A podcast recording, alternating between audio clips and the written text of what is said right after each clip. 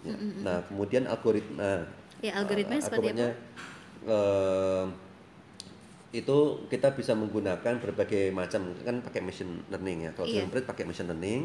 Terus kita menggunakan ada support vector machine, naive Bayes, ada S, ada eh, S- ada VM kan, naive Bayes terus eh, apa lagi itu? Eh, Oke. SVM, oke, nice bias. Heeh. Oke. SVN itu akurasi. Jadi kita akhirnya bicara kita, coba semua. Ya, kita coba semua. Mana yang akurasinya paling tinggi? Nah, pas PhD ada di di di penelitian saya, saya banding-bandingkan yang paling tinggi yang mana ya. Em, ada log likelihood juga ada. Oh, like likelihood. Ya. Terus, nah, yang paling tinggi akurasinya itu adalah support vector machine. Ya tergantung ya. Tergantung waktu itu penelitian saya seperti itu. Mungkin dalam kondisi yang lain beda. Itu untuk untuk teknik klasifikasi positif, negatif, netral waktu itu tinggi. Tetapi biaya komputasinya tinggi. Komputasi itu misalnya kalau untuk satu data di run gitu, dia butuh processing dan waktu lebih lama nggak? Oke, ya lama banget. Nah, SVN itu lebih lama SVM lebih lama. lebih lama. Naive Bayes, naive Bayes itu simple, cepat gitu. Jadi ringan sekali. Jadi berapa persennya lah lebih cepatnya. Tapi akurasinya lebih rendah. Mhm. Nah, misalnya ini kalau pakai SVM akurasinya adalah 86%. Tapi kalau pakai naive Bayes, yang ini ini kira-kira waktu itu 85%. Jadi selisih satu. Pilih yang mana? Kan akhirnya milih gitu. Iya. Kalau aku akhirnya pilih pakai naive Bayes.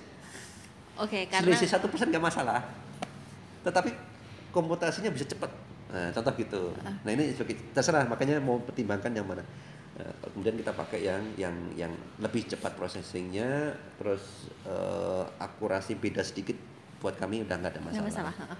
Kecuali emang sangat jauh sekali ya, Pak. Aja kalau sangat jauh itu menentukan. Nah, nah, ini yang kemudian penting juga di sentiment analysis eh, untuk media monitoring kayak di drone breed itu kebutuhan klien biasanya mereka nggak mau 86%. Dia maunya Minimum bisa- berapa? Maunya 100%. Oh. It's not Tapi kalau possible, nggak misalkan mungkin. dalam statistik itu is probability. Eh, Oke, tapi akhirnya kita buat mendekati apa yang mereka mau dengan cara em, jadi ada ada ada ada feature yang memungkinkan admin itu bisa mengedit. Nah, jadi mengedit hasil dari sentiment analysis dari mesin udah dapat, habis itu diedit. Jadi bisa dia dia kita kasih interface yang menunjukkan inilah eh, kebanyakan most retweet yang seperti ini, ini di, dia sentimennya sekian eh, persen positif gitu. Kalau enggak ini harusnya negatif ya udah ada jadi negatif. Nah, itu akan mempercepat dia bekerja sehingga akurasinya jadi lebih naik lagi. Oh, oke. Berarti selama ini akurasinya sekitar berapa? Di atas 95%? Enggak sampai. Nggak sampai. Sentimen analisis yang enggak tahu ya aku Ah. coba yang setahu saya kira-kira lima tahun lalu yang di paper ya berdasarkan Iya. paper eh, itu sekitar 85% Itu udah untuk bagus bahasa banget. Inggris Oke. Great Lab Oke. Nah, ya kita kan pakai Twitter, udah nggak jelas teksnya, nggak jelas ini eh, kondisi nggak jelas, lebih bawah dari itu. Oh, Makanya oke. kita harus tambahin dengan kemampuan untuk mengedit tuh, Mengedit apa, itunya. analis kita. Oke. Selanjutnya nih Pak, eh, sebenarnya toolsnya gimana sih Pak? Arsitekturnya yang dibentuk dari Iya. drone Breeze seperti mungkin kayak dari crawling tadi, pengolahan. Kita lihat juga nih visualisasinya itu cukup menarik gitu Ah, deh ah. kayak saya sering Ah, lihat sih. gitu bahwa itu itu seperti apa Pak tools-tools yang Oke. digunain? Big data sudah ada frameworknya kayak Hortonworks ya, Oke. ada Cloudera, Oke. kayak, kayak macam-macam. Aku nggak pakai itu semua. Oh, Jadi kalau yang big data, Pakai apa, big Pak? data nggak? Ya bener big data sih. Oh, iya. Kita menggunakan arsitektur yang urutannya mirip seperti itu, tapi kita bikin sendiri. mm, mm, mm. Kenapa? Gini, eh, problem yang saya hadapin itu udah ad hoc, ad hoc sudah jelas. Memproses teks dari sosial media, memproses teks dari online news, kemudian eh, menampilkan analisis yang udah itu itu aja, misalnya trennya, apa eh, volume, terus SNE, sentiment analysis, udah itu itu saja. Dan datanya ya udah itu aja. Nah, beda kalau misalnya saya punya company di mana datanya itu tergantung klien itu bermacam-macam. Hari ini misalnya saya dapat klien itu dia dapat data, tolong diproses ini saya punya data transaksi keuangan yang sangat besar. Oke. Bulan depan saya dapat project lagi misalnya datanya beda lagi. Nah, kalau kayak gitu perlu perlu eh, platform big data yang standar seperti Hortonworks yang dia bisa any purpose masuk. Tapi kan aku kan nggak terima project yang semacam itu. Oh. Khusus hanya media monitoring saja. Nah, yang kulakukan adalah saya bikin sistem yang tidak berubah, nggak lekang oleh waktu. Oh, Kalau aku pakai Hortonworks mulai tahun Oke. 2009, bayangkan setiap tahun aku harus mengupgrade Hortonworksku. Aku hanya pakai misalnya ini, di sini aku pakai eh, solar aja. ah. Search engine yang aku pakai ini solar. Solar dari zaman dulu itu versi 4. Sampai sekarang kemarin baru saya upgrade dari versi 7 atau berapa. Jadi 4 terus berubah-ubah. Karena masih bisa. Tapi karena lama-lama nggak nggak disupport kan, mau nggak mau saya upgrade. Nah, kalau buat perusahaan yang sangat besar itu nggak masalah. Dengan timnya itu mereka memungkinkan untuk upgrade, upgrade, upgrade terus. Eh, ada ada Spark-nya, ada Hortonworks-nya, ada untuk oh banyak sekali kan tools untuk big data kan. Upgrade version mereka nggak masalah. Buat aku masalah. Karena dari tahun 2011 sampai 2015 itu saya ngembangin sendirian bikin. Nggak dibangun tim. Tim ini yang punya itu developer baru 2017-an. 17 18 baru gabung. Jadi praktis aku harus sendirian. Ya, urut akhirnya urutannya apa? Aku bikin sendiri. Crawler bikin sendiri berbasis Perl eh, sampai sekarang masih dipakai. Oke. Nah, waktu itu ada berbasis misalnya ap- Apache Notch. Tapi Notch kan berubah-ubah terus. Mereka- Jadi makin bagus, makin bagus atau gimana. Dan aku nggak ngejar untuk mengupgrade versi. Akhirnya aku nggak pakai itu. Jadi bikin Perl sendiri. Kemudian begitu masuk, masuk ke Solar. Kemudian bikin eh, tahapan berikutnya adalah kan eh, kalau processing itu ada map reduce ya, semacam map reduce. Map reduce yang aku buat itu modelnya eh, aku simulasiin sendiri dalam program yang aku bikin, pakai Perl juga. Em, dipetakan, dicari, kemudian di reduce terus ini. Terus hasilnya, hasil dari map reduce kan hasil eh, analisisnya ya, yang lebih tersummarize kan. Itu disimpan dalam eh, MySQL. Karena MySQL. MySQL itu lebih cepat dan berikutnya baru visualisasi. Visualisasinya udah PHP aja. Oh, PHP aja aku pakai pakainya. PHP terus pakai eh, D3JS, pakai apalah banyak kan itu tinggal pakai butuh visualisasi apa mana yang ada ambil di situ. Oke, oke. In simply gitu aja. Oke. Jadi proses ini kan udah udah urutan-urutan tadi arsitektur kan ad hoc. Ah, ah. Tapi kalau ini sistemku dipakai dikasih data ini saya punya data keuangan masuk nggak nggak bisa karena ini bukan bukan general purpose uh, big data system tapi kok tapi ngikutin urutan big data sama. Oke Pak, Eh, saya pernah dengar nih kayak kita lanjut nih sekarang kita berbicara tentang drone akademik. Nah, Ya. itu sebagai bagian dari project kah atau bisa diceritakan Nah. tentang drone akademik itu sendiri? Jadi ceritanya eh, saya akan bikin analisis sendiri di Facebook. Tujuannya yang tadi saya mau share apa yang saya miliki karena ini data luar biasa dan nggak terserap data itu. Analisisnya kalau company klien-klien yang saya pakai itu hanya mereka untuk perusahaan, mungkin untuk kementerian lembaga. Padahal banyak isu-isu yang sifatnya isu masyarakat luar biasa, hoax segala macam ada. Makanya saya bikin rilis sendiri. Begitu ada isu habis setiap minggu saya bikin. Goalnya cuma itu, saya mau share aja. Saya nggak ada kepentingan apa pun. To be fame atau apa nggak ada. Oke. Nah, karena aku lebih lebih suka sebetulnya di belakang coding, perbaiki, bikin Ah, sistem. hmm. Passionku di situ. Eh, tapi kan capek nih saya. Oh iya. Capek. Kadang-kadang eh, analisisku membentur ku- kubu A. Eh, dibenci aku sama kubu A. Oke, Kadang-kadang I see, I see. dibentur kubu B. Oke, kubu. B, ah kamu eh, pro kubu A ya. Ya Udah. Jadi posisiku mencoba untuk eh nggak saya nggak mengklaim netral ya, tapi Eh. aku ber- berusaha truthful. Data tuh kayak gini, aku bilang apa adanya. Oke. Ini yang kemudian aku jadi sendirian. Jadi sendirian menyampaikan data. Aku cari teman dah. Ah, cari teman, makanya aku buat Drone Academy. Oke. Drone Update Academy itu aku buat free, tapi sumbernya cuma satu Twitter saja. Karena aku nggak bisa dong kasih semuanya free. Karena apa? Karena Drone ini udah dipakai di mana-mana. Eh, di di beberapa salah satu kom kominfo ya. Di kominfo dipakai untuk menangkap percakapan terkait dengan pornografi, terus perjudian, em, dan juga terorisme dan yang lain. Dan sekarang segala macam percakapan dipakai di kominfo misalnya. Terus eh, ada di yang lain juga ada. Dan itu kan datanya lengkap. Kita juga punya klien yang berbayar kan. Iya. Dan itu juga juga data lengkap. Nah, kalau aku kasih free ya dimarahin Iya, saya. iya. Nah, untuk akademik aku lihat Twitter ini udah lumayan. Itu paling nggak bisa berdasarkan pengamatan saya perang di sosial media percakapan itu orang naruhnya tuh di Twitter.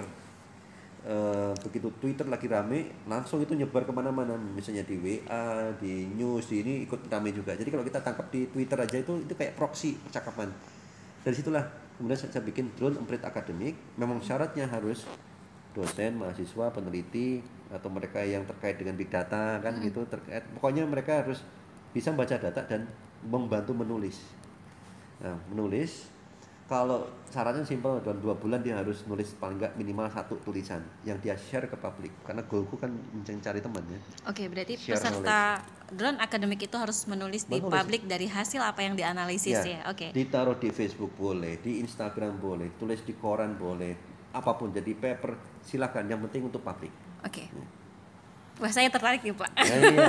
Isu itu banyak. Nah, isu di dalam akademi kita kita kelompokkan biar gampang. Itu dalam dalam kelompok SDGs, Sustainable Sustainable Development, Development Goals. Goals. Ada 17 goals tadi. Oke. Jadi ini enak mau lihat Indonesia masa depan ya.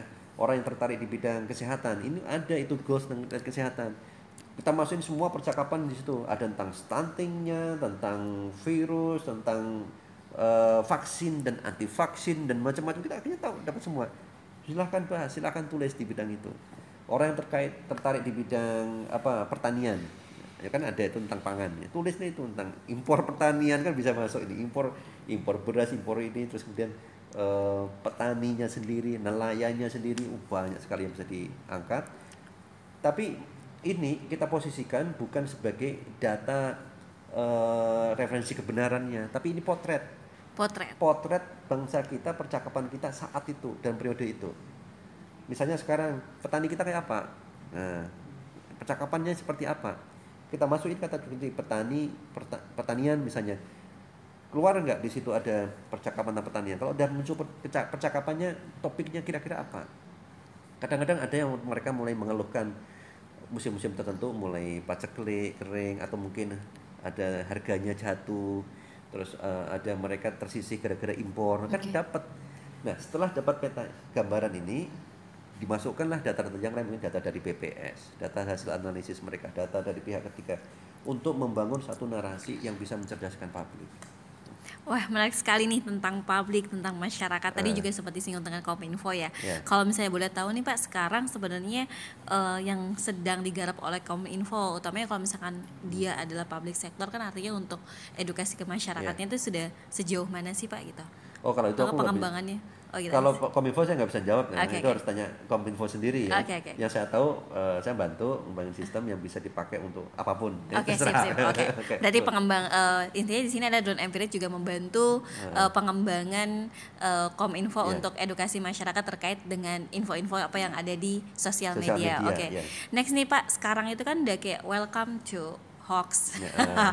Banyak sekali ya masyarakat atau bahkan kadang di ada info apa terus kayak masuk di media sosial, orang nge-share sana sini, kadang kita juga tidak verifikasi itu gitu. Ya. Apa benar apa enggak gitu. Nah, sebenarnya saya pengen tahu nih perannya sejauh mana sih drone emprit dan mengidentifikasi dan menggunakan tadi teknik analitik big data analitiknya terhadap hoax itu sendiri. Oke, eh, tentang hoax tetap nomor satu eh, yang paling banyak berperan adalah teman-teman seperti Mavindo ya. Oke. Karena hoax sendiri berkembang setiap hari dan harus di combat setiap hari, Oke. harus diklarifikasi. Itu harus dengan orang, harus dengan orang. Nah, peran emprit itu di mana? Eh, kami tidak setiap hoax eh, ngemonitor. Kadang-kadang ada hoax tertentu eh, kita diminta untuk bantu. Misalnya yang sering itu misalnya dari Panglima TNI yang dulu kan kadang-kadang sampai sekarang juga ada kebutuhan karena dapat hoax. Misalnya dulu pas zaman Pak Gatot Nurmantio ada isu pernyataan bahwa Pak Gatot akan menggempur misalnya pakai PKI meskipun tanpa persetujuan Jokowi misalnya. Itu hoax itu. Iya. terus lagi rame jadi kemudian Puspen minta ada nggak datanya kayak apa? Gitu. Saya kasih datanya. Oh ini yang mulai nih itu yang share nih. Eh, datanya dipakai ketahuan. Jadi ketahuan bagaimana penyebarannya yang mulai itulah kemudian informasi itu dikasih lagi ke publik. Akhirnya publik tahu oh ini hoax dan ini yang yang mulai petanya kayak gini. Publik akhirnya membantu balik mendukung ke eh, TNI Yang- Oke. dan maki-maki itu sih orang yang bikin hoax itu meskipun followernya banyak. Nah, kita bisa menemukan macam itu. Polanya jaringannya eh, seperti apa. Kalau kalau memang itu salah satu me- me- medium penyebarannya itu di media sosial khususnya Twitter. Twitter ya. Eh, eh. ada juga di Facebook agak susah kan Heeh. Ya, tapi cukup banyak yang yang di Twitter itu ada paling tidak kalau memang ada sebuah hoax atau suatu isu ada propaganda jadi hoax itu bukan satu-satunya ya kalau saya melihat itu uh, propaganda ya. Propaganda itu bukan hanya hoax isinya, tapi bisa jadi uh, hate speech. Hmm. Kemudian ada juga uh, ada informasi yang yang yang half truth gitu ya. Half truth ketika disampaikan akan membangun suatu pemikiran tersendiri di, di publik. Ini, ini kita bisa lihat penyebarannya sudah seperti apa ya trennya apakah ada ada robot juga yang main di sana kalau ada robot yang main berarti kan ada semacam uh, intention yang yang besar dari satu kelompok untuk memainkan isu itu kelompok mana yang bermain nah, ketika kita melihat ini ini berguna untuk analisis uh, tim atau kelompok atau mungkin jadi pemerintah atau siapa pun yang yang terkena hoax tadi atau terkena propaganda tadi. Arahnya bukan untuk mengejar siapa yang bermain tapi memahami uh, konstelasinya sudah sampai mana nih. Dari situ tujuannya adalah untuk membangun uh, strategi. Ya, ketika sebuah isu yang salah itu sudah menyebar strateginya apa yang harus dilakukan? Apakah harus bikin kontra narasi itu melawan narasinya kan supaya publik langsung tahu. Atau bikin alternatif narasi. Nah, sebetulnya gambarannya nggak gitu tapi ini ada cara membaca yang lain. Eh, bisa berbenturan berbenturan itu narasinya itu kontra narasi atau kemudian alternasi alternasi uh, alternatifnya narasi alternatifnya. Dan itu kan bisa disebar. Bagaimana menyebarinnya kita harus nyebarin ke kelompok yang kena kan? Nah bagaimana kita tahu kelompok itu? Kita bisa lihat di SNA oke. Okay. ya kan? Dari SNA oh, kelompok ini yang nyebarin dari sini masuk. Oh secara kayak, profil sudah bisa diidentifikasi? Iya kan okay. dari SNA kan kelihatan ini ya. dari mana isu yang menyebar bla kelihatan jadi lebih ke seperti itu. Download dipakai memang untuk lebih ke bagusnya untuk untuk krisis manajemen, uh, crisis management, uh, untuk menyusun strategi, okay. ya, untuk menganalisis apa sorry, menganalisis apa yang sedang terjadi. Tapi kalau kalau hoax kemudian kon, uh, mendetek, uh, apa, mendibang hoax mungkin nggak nggak pas itu itu lebih bagus dilakukan oleh manusia. Oke. Okay. Selanjutnya nih Pak, challenge apa sih yang Bapak hadapi selama membangun drone Empirit ini? Uh, tantangannya itu eh, kalau dari segi teknologi iya. itu bagaimana aku mentransfer pengetahuanku itu ke tim oh, iya, iya. Ya, karena ilmunya banyak aku ngumpul semua kemudian sendiri kan pelan pelan uh, Pak Jokowi bilang tiga minggu selesai kan gitu ya nah, bener bisa ada satu okay. feature aku bisa bikin tiga minggu kadang seminggu okay. lebih cepat uh. aku kasihin ke tim tiga bulan belum jadi okay. ya. kenapa dia belum ngerti tapi lama-lama tim itu belajar belajar ngerti akhirnya bisa mereka ya kan harus sabar ya harus mentransfer pengetahuan timnya uh, kompak solid nggak ke mana-mana juga sudah tahu harusnya pergi kan repotnya nah setelah oke okay, kemudian dia bisa dengan cepat bahkan uh, seminggu udah selesai. Gitu. itu ada satu satu tantangan ya bagaimana me, secara organisasi secara company kita leverage knowledge ke tim. Terus tantangan lagi yang lain secara um, uh, paling kayak gini lah ada kita kan menyebarkan secara sosial kita menyebarkan analisis ke publik konsekuensinya kan jelas ada mm-hmm. ada yang suka ada yang nggak suka ada yang memanfaatkan ada yang ini ya dan ya kadang-kadang kita diposisikan di kubu A atau B gitu contohnya okay, eh, gitu. tapi saya nggak peduli itu okay. saya tagline-nya itu uh, we don't claim to be neutral but we insist on being truthful oke okay, sip Terus yeah. ini nih Pak, uh, kalau misalkan Bapak sendiri ini melihat secara umum masyarakat Indonesia dengan peluang big data, yeah. apakah memang Indonesia ini sudah cukup baikkah apa sudah sejauh manakah langkahnya? Apalagi kita akan menyambut ke industri 4.0 gitu. Ya. uh, satu nih aku lihat semangat luar biasa. Semangat Indonesia semangatnya itu luar biasa anak-anak muda. Hype big data itu luar biasa. Saya kira ini udah sesuatu yang sangat positif. Okay dan ini yang harus difasilitasi terus. Uh, dan kita nggak boleh tergantung sama pemerintah. Makanya ada kayak um, ide big data data science Indonesia yang bentuknya sifatnya community community ini saya kira ini jauh lebih mudah bergerak jauh lebih cepat dan tahu dan kebutuhan kan? Dan dan ini yang saya kira bisa menjadi satu uh, katalis lah untuk kita bisa buat lebih jauh lagi. Tapi memang ini nggak cukup gitu. Ini kan nggak cukup ya. Kita perlu benar-benar uh, dari dari government dari pemerintah memberikan porsi dan peran yang sangat besar tentang penggunaan big data kita sibuklah belajar big data. Kenapa? Tahunya dari dari internet, dari negara yang lain tentang tren teknologi. Tapi ketika kita terapin uh, public service kita belum mau ke sana, ini belum mau, belum ada bla bla segala macam. Akhirnya kita mainan saja, jadi eksperimen saja kan. Yang main-main dengan eksperimen data kecil dan segala. Nah, ini yang kemudian yang harus dilakukan adalah sisi pemerintah. Coba kebijakan dalam banyak nah contoh sosial media ini bisa menjadi satu sumber data. Data-data yang lain yang di yang masuk yang mereka bisa jadi masukan lah buat pemerintah kan juga sumber data juga kan? Yang di mana kalau dibaca secara manual itu nggak nggak kelar kelar. Harus menggunakan big data harus orang-orang data science. Inilah yang coba dimasukin. Government harus masukin big data di depan. Sudah ada kan bagus misalnya uh, one data dan okay, satu data Indonesia satu data. Hmm tapi aku lihat masih kurang gitu. Oke. Okay. Memberikan porsi kita untuk oke okay, main di situ dan hasil analisisnya benar-benar dipakai. Oke. Okay. Ini yang kurang. Oke, okay, data driven Indonesia. Ya, data driven Indonesia. itu ada buku uh, nam judulnya uh, Sosial Fisik. Oke. Okay. Yang nulis Alex Pentland. Itu orang MIT. Ya, terus kemudian dia meneliti. Dalam penelitian itu dia bilang kita bisa membangun suatu community yang smart di dalam uh, social network. Jadi jaringan yang berbasis sosial tadi si Alec Penlan ini. Uh, ada beberapa cara lah. Yang salah satunya itu harus bisa menangkap aspirasi dan aspirasi itu kemudian di channel, kemudian di ada semacam uh, action ya, affirmative action itu yang di yang dibuat sengaja dibuat supaya apa? Aspirasi ini kemudian bisa bisa diterapkan dan bisa jalan. Ya. Dia bikin ya ini dari dari buku itu kemudian saya pikir kita bisa membangun semacam kalau di level kota ini kota itu bisa menjadikan sosial media untuk kota itu sebagai uh, city hallnya. Yang yang city hall kan biasanya orang kan datang kan ke city hall ke balai kota atau ke kelurahan ke ini. Tapi di sosial media orang kan sudah ngerumpi.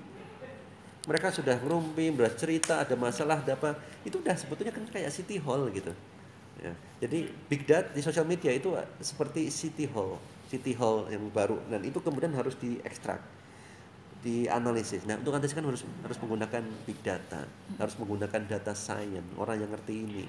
Ini yang kemudian bisa di channel. Ini ini hanya salah satu sumber aja kan ditambah dengan sumber-sumber yang lain. Yang semacam ini yang yang perlu saya kira perlu kita uh, perjuangkan supaya mendapatkan opportunity dari pemerintah sehingga teman-teman melihat bukan hanya di private, bukan hanya di perusahaan, bukan hanya di startup, tapi di banyak uh, public service ini opportunity sangat besar itu. Oke oke, wah luar biasa sekali. Oh, Oke, okay, Pak, terakhir nih mungkin yeah. ada closing statement kak uh -huh. untuk bisa didengarkan oleh data para data profesional maupun masyarakat luas. Ya, yeah. buat uh, data profesional kita ini ini ini ini pemikiran saya udah udah lama ya. Saya ingin share juga di sini. Oke. Problem bangsa kita banyak. Macam-macam sekarang ini dan hoax, hate speech berseliweran ya. Dan uh, di sisi yang lain ada data-data ya yang sudah siap untuk diolah untuk memberi sebenarnya bisa memberikan pencerahan. Contoh misalnya data soal happiness index yang lain. Data-data dari UN data dari BPS dari macam-macam. Terus kemudian bagaimana kita komunitas data ini setelah melihat data coba kita kita pikirkan kontribusi kita ke publik. Memberikan pencerahan kepada publik berbasis data tadi. Macam-macam bidang yang kita sukain. Tentang kesehatan kita bisa bicara soal stunting. Pendidikan coba kita lihat dari sisi pendidikannya ya dari pendidikan kita bisa lihat kondisi masyarakat kita dan macam-macam itu. Semuanya berbasis data. Dan salah satu sumber itu sosial media bisa dipakai misalnya. Tentang tentang pendidikan itu kayak apa sih e, publik itu melihat itu. Kalau kita bisa coba menggunakan e, big data data science kemampuan data science kita ini untuk mengekstrak knowledge kemudian kita biasanya kita bisa mendapatkan satu insight kok. Satu insight yang kalau insight itu kita sampaikan ke publik itu akan memberikan pencerahan kepada publik dan bisa menjadi pressure kepada government. Okay. Nah ini kalau ini kita pakai rame-rame, jadi kita kita berjuang dengan data itu gitu. Itu yang saya lakukan kecil kan dengan Facebook itu itu sebetulnya. Okay. Goalnya cuma ke sana. Saya mau ngasih tahu dengan data ke publik dan mudah-mudahan berimpact didengarkan oleh government. Dan karena berbasis data, benar dan salah, yang paling penting apa? Kita nggak subjektif. Subjektif ada. Di dalam menganalisis, subjektif itu kan bagian analisis dan kesimpulan, itu Oke. subjektif kita.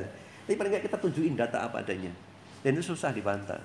Benar atau salah, jelek atau enggak, emang datanya kayak gitu. Ketika jelek keadaannya berbasis data, ya itulah menjadi challenge buat mungkin government atau mungkin public untuk do something, merubah kebijakan, merubah habit. Dan kita we have to speak up with data.